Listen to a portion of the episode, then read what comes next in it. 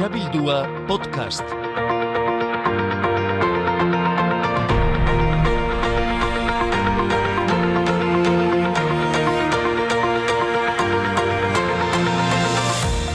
Onartu behar dizuet. Denboralditxoa pasada, azkenengo atala grabatu genuenetik eta internetera igo genuenetik. Denboralditxo luzea pasada. Baina beno, irailean sartu berri gara, indar bertuta gatoz, horregatik, hemen eta orain, xabilduaren bigarren denboraldia hasten dela, esan behar dizuet.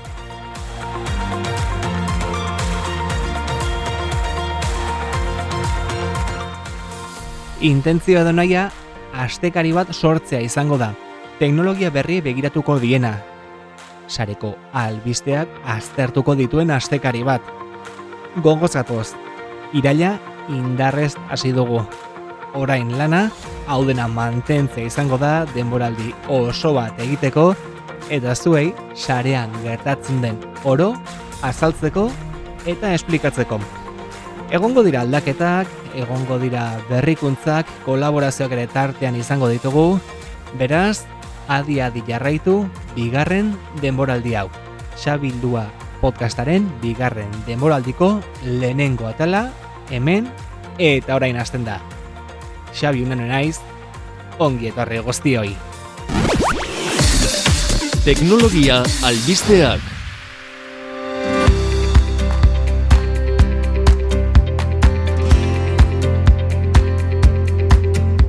Irailarekin batera, dena hasten da berriro, aurkezpenak datoz, bai eskoletan, bai unibertsitatean, eta beno, guri ere ala tokatu zego irailean sartzarekin batera, xabilduaren bigarrengo denboraldia hasta tokatzen da.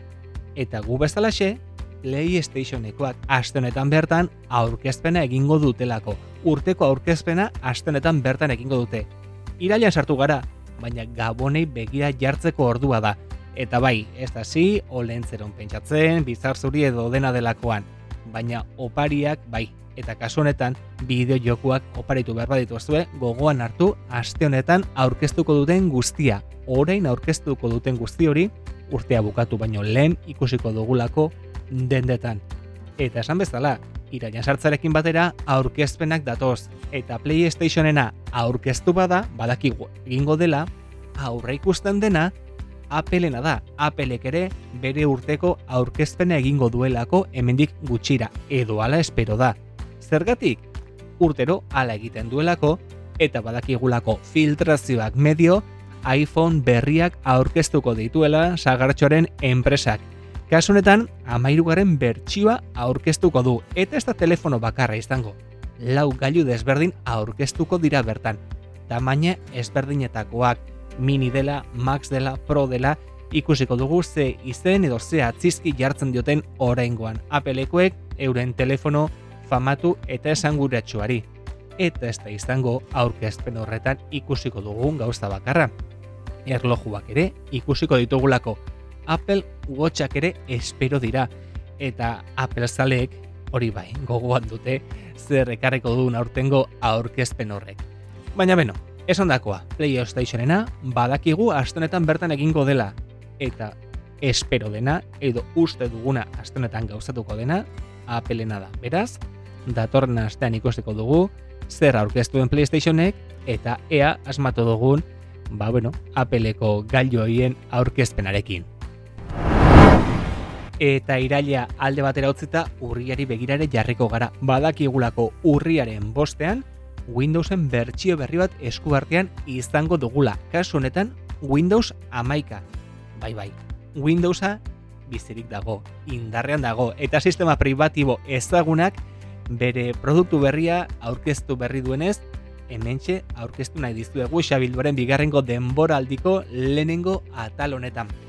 Piskat begiratzen badiogu, Appleetik zerbait ikasi duela esango genuke. Microsoftek zerbait ikasi duela Appleen gandik. Batez ere itxurari begira, itxura garbi eta harina aurkezten duelako mintzat hasiera batean.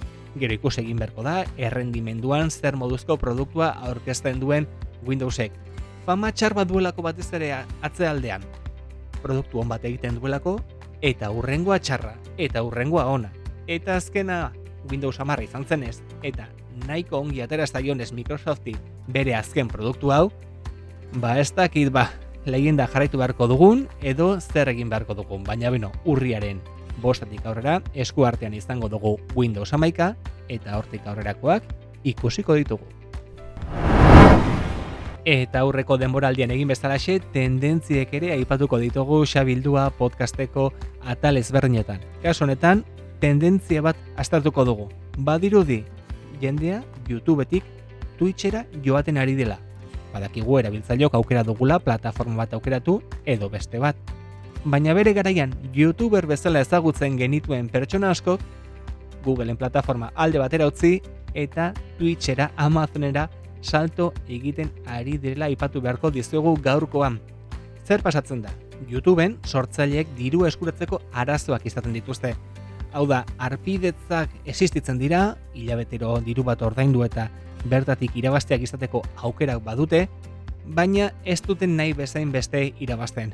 Aldiz, Twitchen arpidetza hori existitzen da, eta gero propinak edo eskupekuak emateko aukerare existitzen denez, bertara salto egiten ari dira. Azkena Auronplay YouTuber edo ex-YouTuber ezaguna izango litzateke, bederatzi hilabetez bere YouTubeko kanalean ezer publikatu gabe egon eta gero, aipatu berri du, Twitchera salto egingo duela. Eta badakizue, YouTuber edo ex-YouTuberrekin gertatzen dena ez, bat andorrera joaten da eta denak atzetik joaten zaizkio. Ba bueno, kasu honetan ere bidea handi bat ez du eta ikus egin beharko da hemendik aurrera nola eragiten duen honek aurrerantzean. Hori bai, beste puntu bat aipatzeko, Telegram mezularitza zerbitzu ezagutzen duzue? Ba bertan, Twitch zerbitzu bat ere eskaintzen hasi berri dira. Zuzenekoak egiteko aukera eskaintzen du gaur gaurkoz Telegramek. Baina noski, WhatsAppekin esen izan zuen lehiatu, eta orain Twitchen aurkare hasten bada, ez dakit non bukatuko duen telegramek orenguan. Ba onaino xabildua podcastaren bigarrengo edizio honen lehenengo atalau. Aurrerantzean astero ikusiko dugu elkar, eta badakizuen gure saio eskuratu nahi baduzue, Google Podcasten, Apple Podcasten, Spotifyen eta beste plataforma askotan topatuko gaitu zuela. Beraz esan dakoa, intentzioa asteroko saio egitea da. Hala bada, datorren astean, hementxe leku eta ordu berean espero zaituztet. Aio, eta ongi bizi.